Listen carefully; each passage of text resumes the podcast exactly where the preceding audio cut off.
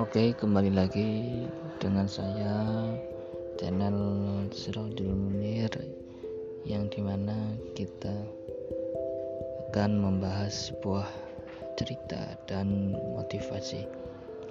Jadi dari setiap orang itu mempunyai dari segi kekurangan dan kelebihan.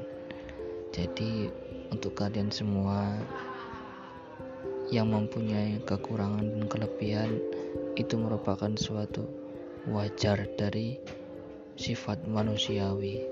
Jadi jangan bersifat iri dan dengki. Marilah kita untuk terus berusaha mengembangkan mengembangkan pribadi diri untuk menjadi yang lebih baik. Oke, terima kasih.